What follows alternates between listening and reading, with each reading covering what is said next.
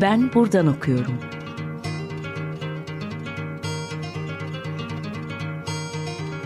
Edebiyat ve başka şeyler.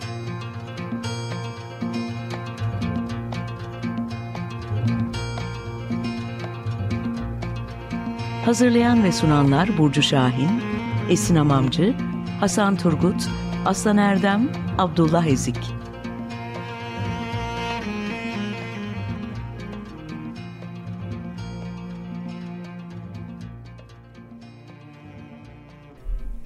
Merhaba. 95.0 Açık Radyo'da Ben Buradan Okuyorum başladı. Ben Aslan Erdem. Bugün İrem Uzun Hasanoğlu'nu ağırlıyoruz. İrem Hanım hoş geldiniz. Merhabalar, hoş bulduk. Ee, bugün İrem Hanım'la Timaş yayınlarından çıkan e, iklim değişikliği ve hiç düşünülmeyenler, büyük kaos başlıklı çevirisinin sadece edebiyat bölümünü konuşacağız. Çünkü kitap üç bölümlü bir e, parça izliyor. Amitav Ghosh bu kitapta iklim değişikliği meselesini üç bölümde inceliyor. Edebiyat, tarih ve politika. E, dilerseniz başlamadan önce çok kısa konumuzdan bahsedeyim. İrem Hanım 1983 yılında İstanbul'da doğdu. İstanbul Üniversitesi Edebiyat Fakültesi'nde Amerikan Filolojisi okudu. Ardından Cambridge Üniversitesi'nde uluslararası öğretmenlik eğitimi aldı. E, New York Üniversitesi'nde eğitim yüksek lisansını tamamladı. 10 yıl boyunca Işık Lisesi ve Robert Kolej'de İngiliz Edebiyatı dersleri verdi. Şimdilerde aslında az önce öğrendiğime göre bu yıla kadar e, Kapadokya Üniversitesi'nde ve Acıbadem Üniversitesi'nde toplumsal cinsiyet dersleri veriyordu. E, kendisinin Gitme Gül Yanaklarında Solar 365 her güne bir yazı. Ufkun Öte Yanı ve Evvel Bahar isimli kitapları e, var. Bunun yanında Spencer Holst, Virginia Woolf, Fitzgerald, George Orwell, e, Shakespeare kitapları da çevrildi. E, yakın zamanda hatta bir Berger çevirisi var. E, çok taze henüz okumadım onu evet. ama bir an önce e, bir Berger sever olarak onu hemen almak istiyorum ve hemen okumak istiyorum. Onun için de teşekkürler. E, çevirmenliğin yanı sıra kendisi hali hazırda edebiyat dergileri, gazetelerde edebiyat yazıları yazıyor ve roman yazmaya devam ediyor. Bence önemlisi bu. E, İrem Hanım şöyle bir yerden başlayalım. Ee, aslında iklim değişikliği meselesi açık radyo dinleyicilerinin aciliyetinin çokça farkında oldukları bir mesele. Fakat e, tırnak içinde dışarıdan baktığımızda bu konuda hem Türkiye'de hem de dünyada ciddi bir körlük söz konusu. Hı hı. Bu bilinçli bir körlük esasen. Siyasetçilerin emlak ve enerji piyasalarının görmeyin dediği e, meseleyi görmemek konusunda insanlar çok çabuk ikna oldular. Amitav Koş üzerinden düşünürsek bunu neye bağlayabiliriz acaba? Buyurunuz. Çok güzel bir soru. Teşekkür ederim. Ee, öncelikle bu arada davetiniz için teşekkür ediyorum. Biz teşekkür ee, çok kıymetli gerçekten Açık Radyo'da olmak şu an. Ee, ben evet hani hem eğitmenliğim de devam ediyor yazarlığım da bir yandan da işte çevirmenlik yapıyorum. Ee, fakat bu kitabın e, çevirmenlik kariyerimde gerçekten yeri çok başka oldu ve benim de bir farkındalık e, bir farkındalığa varmama sebebiyet verdi Hı-hı. bu kitap. E, çünkü ben de bir yazar olarak aslında kendi eksiklerimi gördüm ve bana da bir ayna e, görevi gördü.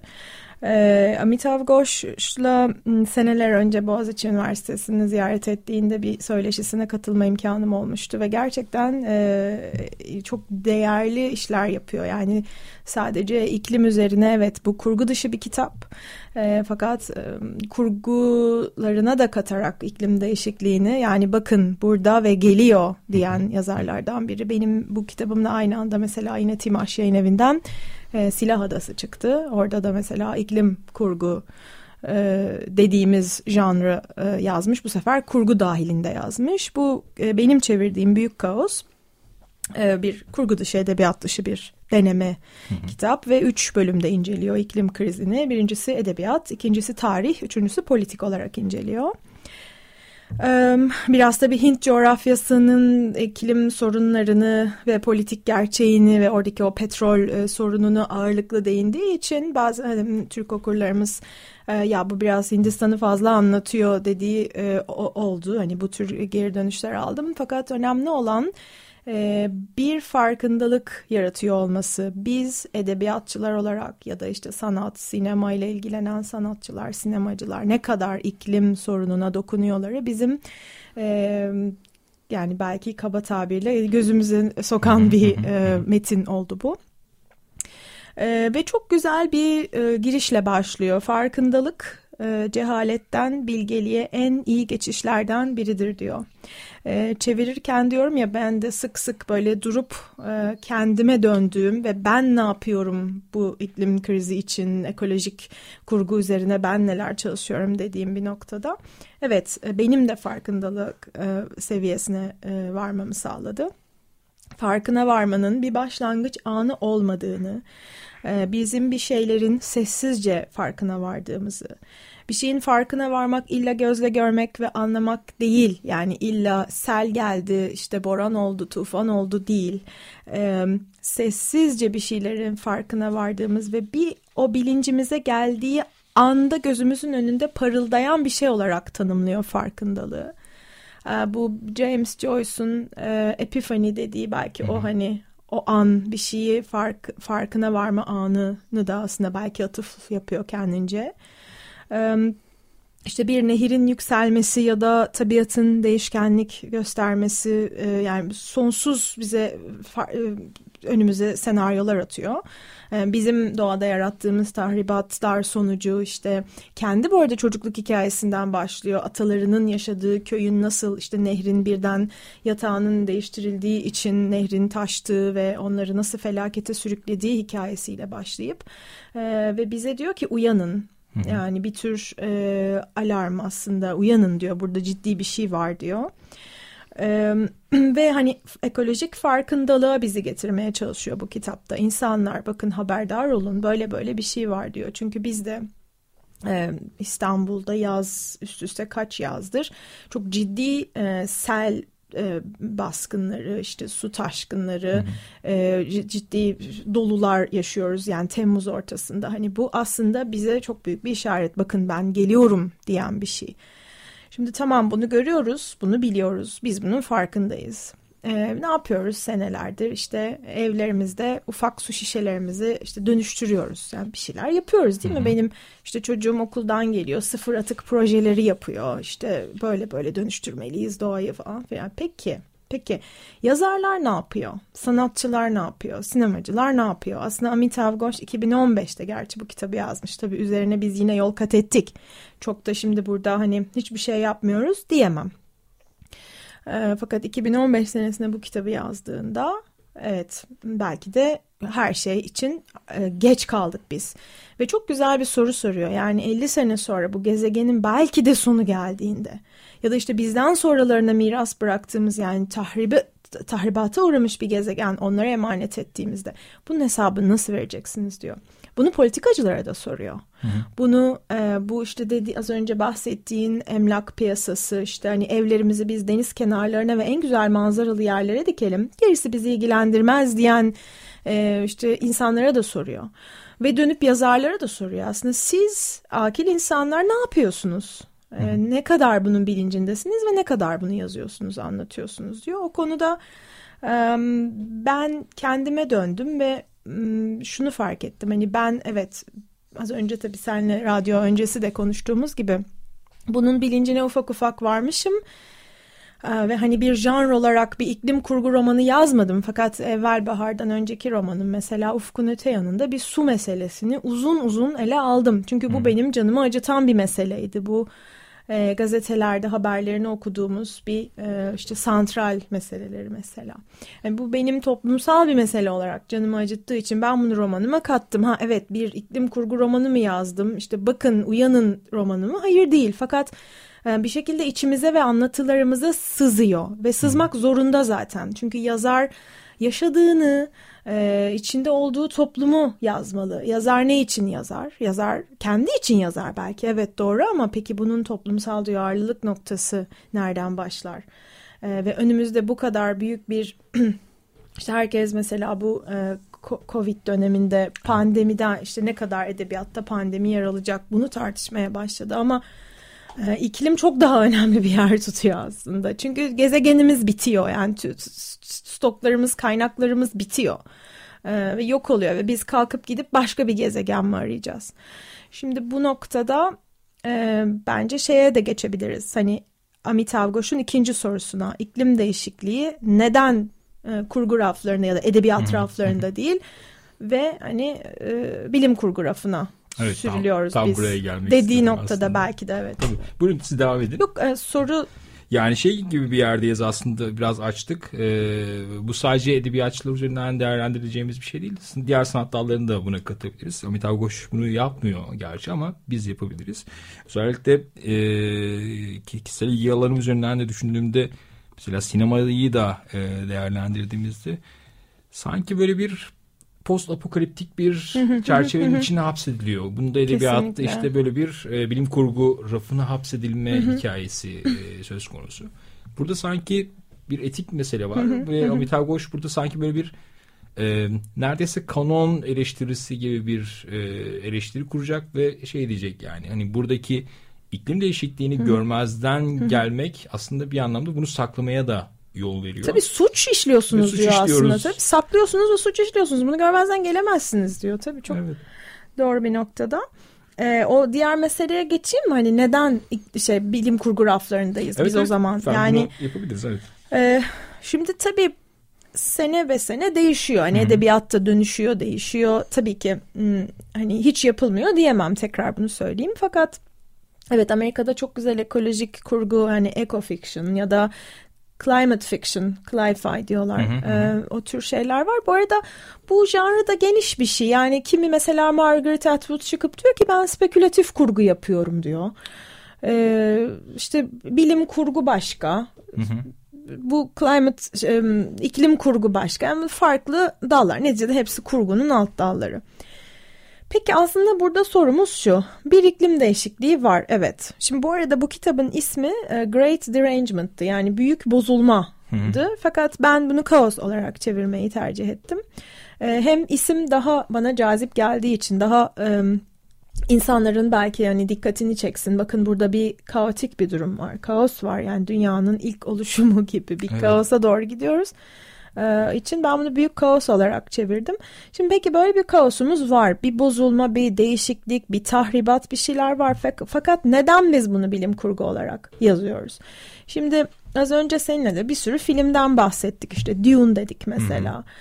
Yani ne bileyim hepsi hep post apokalip. Post apokalip dediğimiz şey nedir? Dünya bitti, sonu geldi, sonra. E hadi sonra ne yapıyoruz? Ama sonra değil. Biz şu an içindeyiz ve yaşıyoruz ve e, bir sonraki jenerasyona biz daha bir dünya teslim edeceğiz. Bir gezegen emanet edeceğiz, teslim edeceğiz.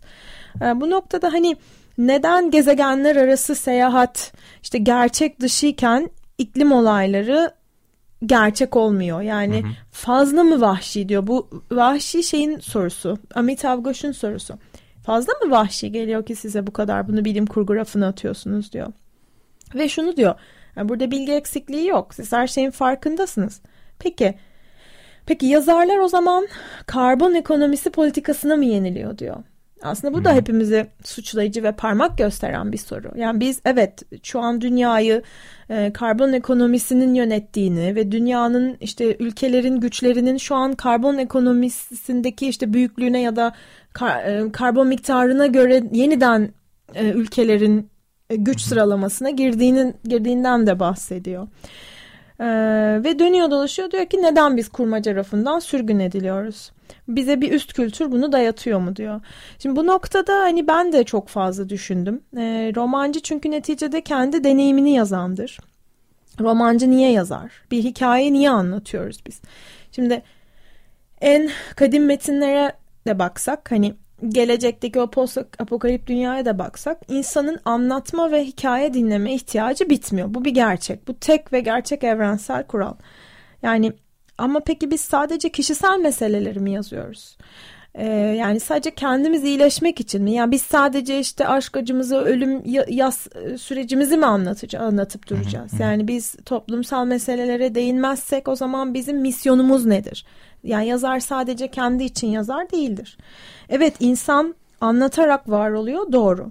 Ee, bu ben Evvel Bahar romanımda da bunu işledim. Şehrazat'ı, Binbir Gece masallarını ölmemek için anlatmak. Hı hı e, hayatta kalmak için, yaşamak için hikaye anlatmak ve bu metaforik olarak şu anda doğru. Yani bin sene geçiyor, binlerce sene geçiyor. Hiç insanın anlatma ihtiyacı değişmiyor.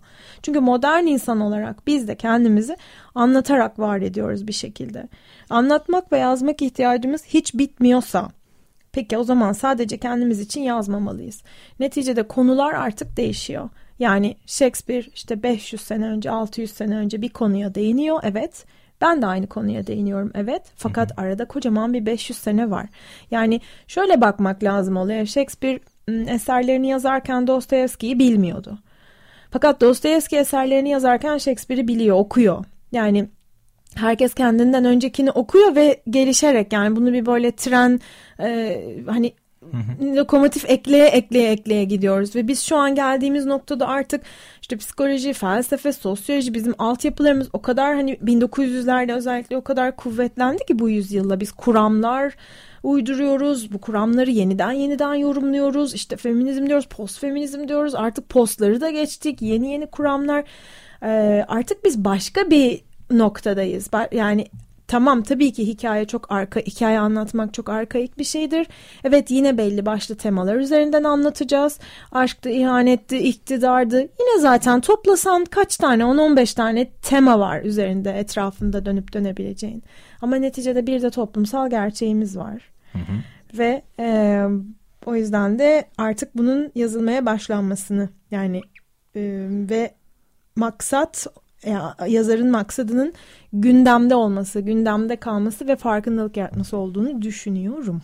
Evet bu anlamda... Çok konuştum. Yok e, belki şey de biraz e, içerlemiş olduk. Şey içkin bir durum yaratmış oldu aslında. Biraz şey hani e, hayatla kesişmek meselesinden bahsediyordu Amitabh Ghosh. Biz biraz burayı da gezinmiş olduk. Yani olarak biz sıradan insanlar olarak bunu kendi hayatlarımızda da deneyimliyoruz. Az Hı-hı. önce e, siz de bahsettiniz. E, bir yandan edebiyatçılara, sanatçılara düşen görev ya da belki e, görev demeyeyim de onların da bir... Bence e, görev. Görev Misyon, görev ne e, onların da belki... E, bilinç dışı bir yerden onu daha bilinç düzeyi bir yere çekerek çok güzel evet daha, kesinlikle e, bu spesifik yani bir... Bilincimizin bir yerine sızdığına eminim fakat bunu bilinç düzeyine getirip düzgün evet. anlatılarla bunu farkındalık yaratmak evet. görevimiz olmalı. Bir mücadele sahasına çevirmek belki. Çok güzel, e, kesinlikle. kavram olabilir. Dilersen küçük bir şarkı arası Tabii verelim. ki. Ee, biraz e, şey... Amitabh Ghosh bir deniz çocuğu aslında. Deniz evet. kıyısında büyümüş. Onun e, bu biyografik hikayesine de e, küçük bir selam. Avishai Cohen'den e, Seven Seals, Yedi Deniz. Buyurunuz. Radyo severler yeniden merhaba. Ben buradan okuyorum. Devam ediyor. Bugün e, İrem Uzun Hasanoğlu ile beraberiz. E, ve onun son çevirisi, aslında sondan bir önceki çevirisi, iklim değişikliği ve hiç düşünülmeyenler, Büyük Kaos kitabını konuşuyoruz. E, küçük bir şarkı arası verdik. Avishai Cohen'den Yedi Deniz'i dinledik. Aynı adlı albümden de bir şarkı. Onun bir kısmını dinledik aslında. E, ilk bölümde e, biraz kurmaca, iklim krizi ve bunun insan hayatlarıyla kesişim noktalarından bahsettik. Şimdi biraz çarpıtmalı bir soruyla devam edeceğim.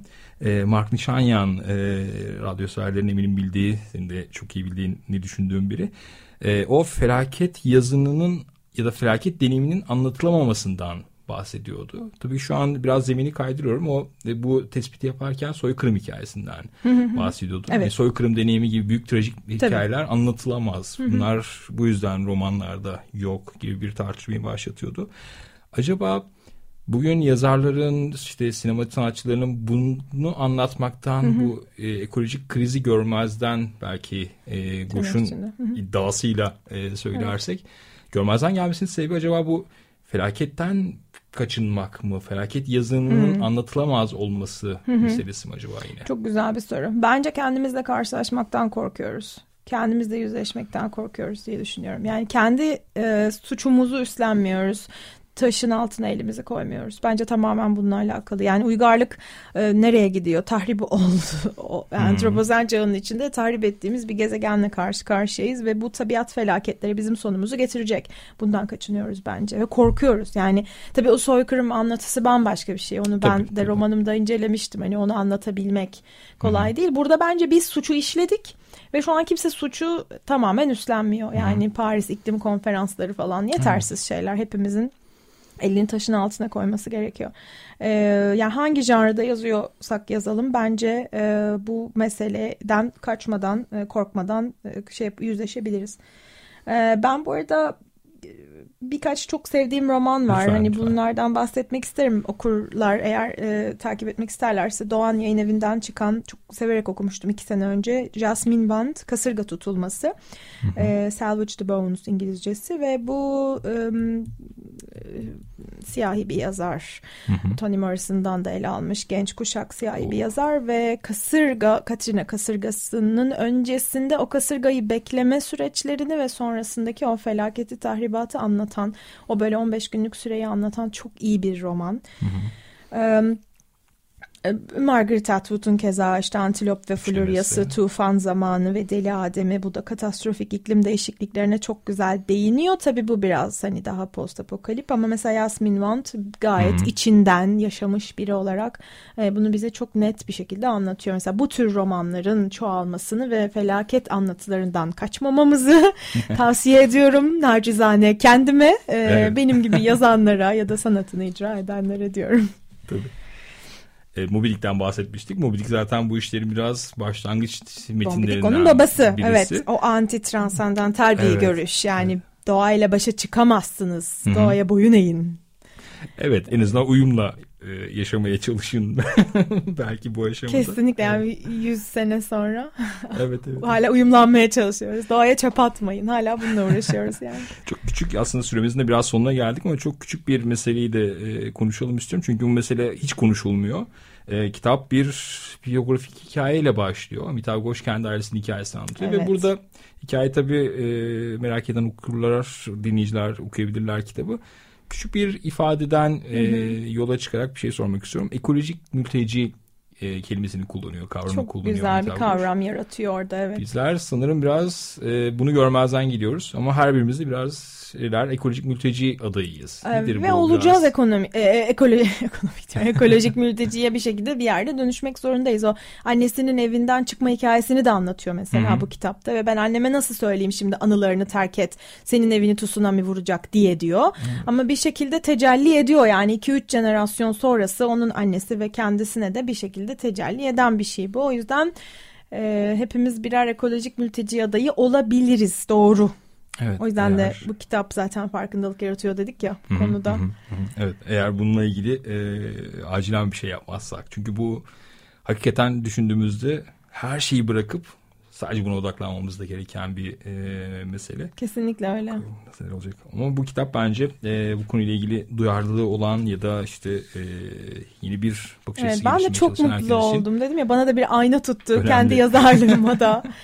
Evet. bir yerlerde yanlış mı yapıyorum ben de e, suç şey kaçıyor muyum acaba bu suça ortağız ve Evet aslında şey yani hem dünya edebiyatında hem bizim e, Türkçe edebiyatta bu tuhaf bir e, gündem ama e, evet Türkçe edebiyatta biraz daha e, fazlalaşmasını da diliyorum bu arada kendim de dahil. tabii ki.